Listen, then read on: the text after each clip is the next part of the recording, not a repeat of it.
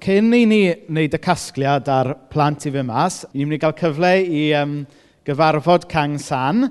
We're just going to have an opportunity before the, the children leave for the Sunday school, so everyone, including the children, can meet uh, Kang San. Do you want to just say hello to begin with, just to make sure your microphone is working? Hello, everyone. Can you hear me? yeah, great. Okay, brilliant.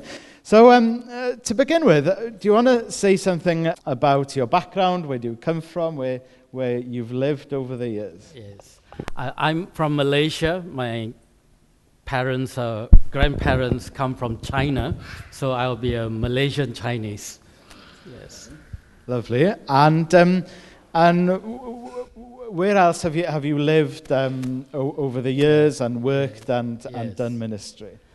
I'm married to a Singaporean Chinese, and we studied at, at in Vancouver. And my daughter was born 25 years ago, so she's Canadian.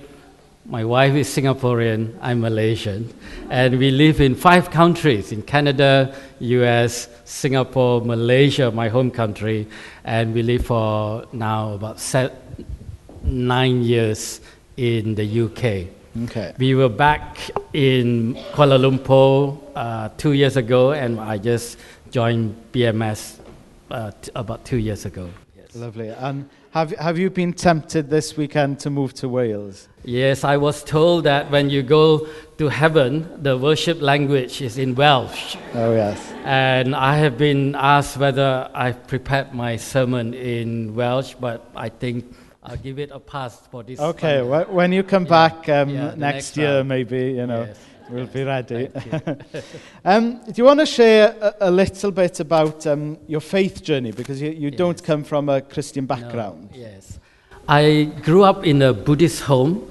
My brother is a Buddhist monk, and he comes to Europe every year, a few times, in Paris, in uh, Austria, and sometimes in Birmingham. So they have temples here. So we have two missionaries in the family. And, uh, but when I was 17 years old, a friend gave me a Bible. And thinking it's just an English literature, I read the Bible for the first time, finished from cover to cover in two weeks, uh, utterly confused.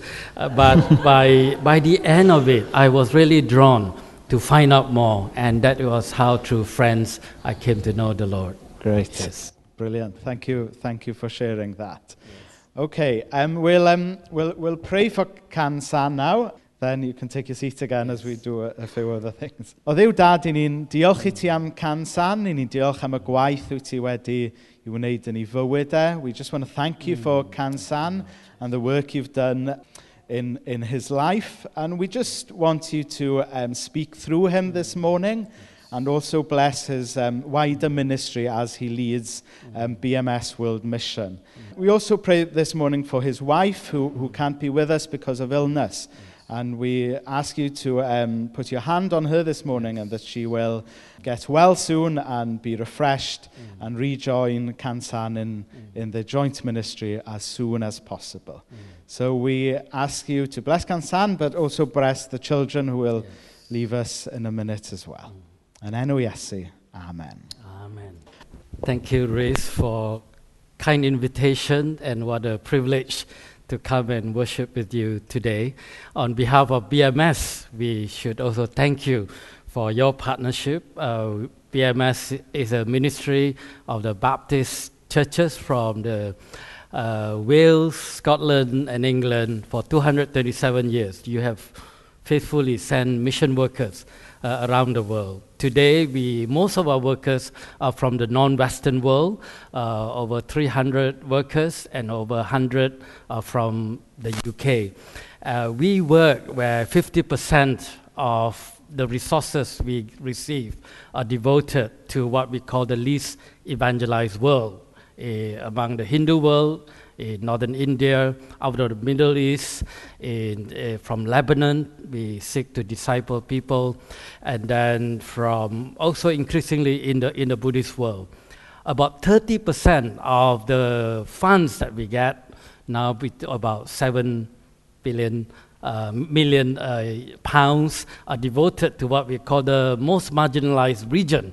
So we are not just doing evangelism, but also a lot of development work, particularly in sub Saharan Africa, in Mozambique, uh, in, in Uganda, in education, in healthcare, hospitals. We also work in places where you can't place missionaries. Increasingly, we are challenging Christian professionals. Instead of uh, missionaries, religious workers, we seek to place people. For example, in Afghanistan, where we have quite a number of workers, or in North Korea. A lot of time we couldn't publish it widely uh, on the uh, web, but this is, this is an opportunity for many of our workers to go to churches and say that after 237 years, the Baptist Missionary Society uh, continue to re, revitalize ourselves to see that Baptist churches uh, have a means to impact the world. But today uh, it's my privilege also to bring God's word to us, uh, looking at the ministry of reconciliation maybe as individuals, sometimes we have this pain of broken relationship. We live in a context of Wales, in a post Brexit world, of rising nationalism and populism. Uh, what does it mean for different community, communities and to be reconciled? But also, I'm reminding us, even as mission are now here, Wales is a post Christian context, but also we continue to live in a global world where Muslims, Hindus, Buddhists are also coming to our shores. And so let's look at this passage where some people say this is one of the rare passages in 2 Corinthians chapter 2 verse 5 where the apostle Paul really opened up his heart most of the epistles, Paul is giving teaching or engaging in a theological uh, controversies. Uh, but here, very rarely would Paul talk about his own motivation. So we learn at least two or three things about the Apostle Paul if we ask, why are you so motivated uh, as a servant of God? It has a real direct relevance in, many mission contexts, as well in, as in smaller churches, we find that it relies on all of us. You know, the church as a community rely on every individual to be motivated. And sometimes we are motivated socially, uh, in our work, we may be motivated financially, but in a voluntary society like the church, uh, it needs to have an inner motivation. So the first lesson we learn from Paul is Paul says, why is he motivated in this ministry of reconciliation? It's because he recognized that one day we all will meet God as our judge. Although we have read from 2 Corinthians 5:18 onwards, uh, I'll be commenting from verses 9 and 10 onwards, where the apostle Paul says we must appear at the judgment seat of Christ. Now, this is not a very popular message, you know, judgment. You know, we don't like to hear this.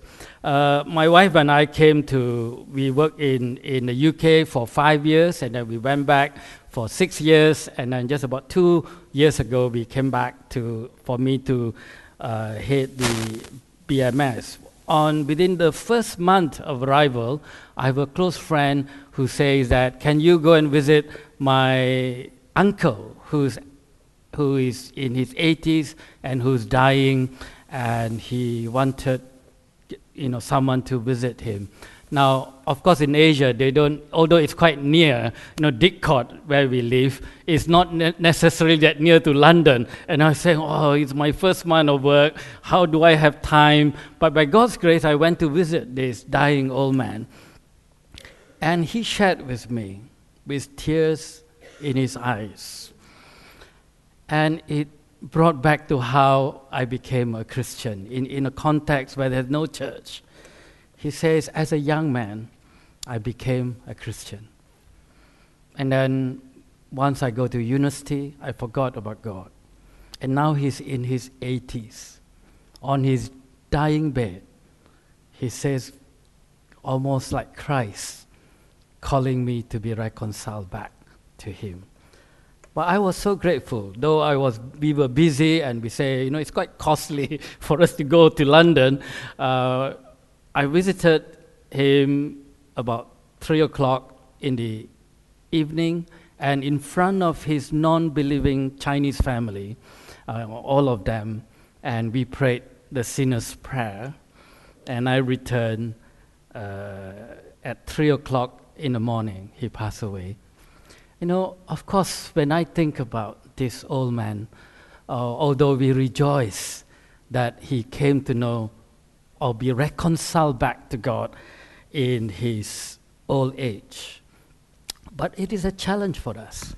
While we are young, while we are, have the strength of our youth, to give the best of our years. And I met many such people. On their dying bed, they are reconciled to God by God's grace. But it's also a challenge for Paul. Paul said, one day we will meet God as our judge. And there are at least two things we must remember from Paul. Paul said, each one of us will be judged according to things we have done in the body, whether good or bad. There's an individuality of Christian accountability on that death on that judgment seat of Christ. But also, secondly, Paul said we must all appear at the judgment seat of Christ. So there's a universality of judgment. So I think for us to say why I serve the Lord in the church, why I'm motivated to give the best of my talents, I see the gifts of this music team, and many of you are serving uh, both within the church and in the community. Sometimes we are discouraged if we drive our motivation based on external motivation, sometimes we will lose that motivation. But like Paul, to be reminded that each one of us will appear at the judgment seat of Christ. Now, this is a bit of a light-hearted joke on a serious topic. They say when you go up to heaven, not only you, all the worship will be in Welsh language, but they, they say this young man went to heaven. He finds it's full of clocks and he said, Why are there so many clocks in heaven? And St. Peter says, Each of you have a clock. And whenever you sin in your earthly life, the clock's hand will move. And being a busybody, he go and look for the youth minister's clock, and the youth pastor's clock were moving quite fast. He said, Oh dear, my youth pastor have a lot of sin during his earthly life. And then he went to look at the senior minister's clock, It's moving rather slowly. I said, not bad, my senior minister, uh, quite a godly man, a little bit of sin during his earthly life. But he couldn't find his clock. So he said, he thought he escaped judgment. And he asked St. Peter, where's my clock? St. Peter said, we are using it as a fan. so it may be a light-hearted story, but on a very serious subject. You know, because I think in Western society, we don't like to hear about judgment. But Paul reminds us there's individual, but as well as there's this universal judgment. I grew up in Malaysia, which is a Muslim country, uh, as a high school, A levels, O levels. When I became a Christian, uh, out of 2,000 students in a secondary school, uh, 1,900 are Muslims. And I've never heard the gospel being, shared. Today, there are still many places in the world where there's not a single church. So, for example, Japan, as an example, Japan is highly developed, civilized country, uh, about 130 million people. Uh, they say after 200 years of missionary work, about 0.2% are Christians. 50% of a small town in Japan, a small town in Japan will be about 200,000 people. 50% of this small town is still without a single church. So it is tempting for us in Wales or in Europe to say, actually, mission uh, needed here. We need missionaries from the rest of the world to come, but actually within the heartland of Islam, Buddhism, and Hinduism, there are still young people like me. Unless you send a mission worker, a witness, majority of these people would never hear the gospel. So BMS continue to challenge to say that this awareness that one day we have to give an account of our life. In a sense that the Apostle Paul is the, the, the preacher of free grace. That means salvation is secure, not based on works. So what is this judgment? That Paul said we all must appear. It is not a judgment of our salvation, but it's a judgment of a church. God bless us with resources, with friendship, and this, we are committed to the ministry of reconciliation. So, as a church like BMS, we realize that the nature of Baptist churches is that we are a local congregation. Unless we pool our resources, we are not able to send mission workers in difficult contexts. So we hope you will continue to value this partnership of both local mission within Wales, but also have an eye for the least evangelized world around us today, certainly also within the Muslim world. Secondly, Paul says, Why am I motivated for this ministry of reconciliation of the whole world? Reconciliation within family, reconciliation among nation and ethnicity, but also reconciliation within the whole creation. So that ministry of reconciliation is not just for us to go to heaven, but this planet Earth, pollution, that humanity are called to care for the broken world, uh, justice on earth. And this is, if I may pay a special uh, appreciation to the work of Dewi Hughes uh, in his book God of the Poor. When we were uh, lecturers uh, at Redcliffe College for a long time, Darby used to come and, and do that uh, ministry, reminding the church that mission is not just about souls. Mission is about reconciling the whole creation and our heart for the poor, for the broken world, and challenging against injustices uh, around our world. So, Paul is saying also that, secondly, not only we live our life with God as our heavenly judge, but also we live our life with Christ as our loving Savior. Where he says that we have a new creation. If anyone is in Christ, in verse 14, he or she is a new creation. The old has gone and the new has come. So Tearfund and groups like that reminds us that mission is also about the whole creation.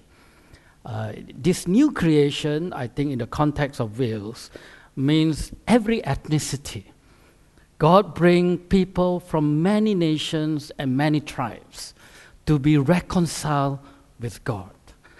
And uh, the gospel, when it goes to Africa, Asia, and Latin America, it is not trying to make everybody become Western Christians or English or American Christian. The gospel encounter each language, each people group, so that people can encounter God in their heart language. So when we see new creation, it's about discipleship within multi-ethnicity. And that's why a group like this is so important. This, this affirmation of the Welsh identity language, which is a representation of what BMS will do.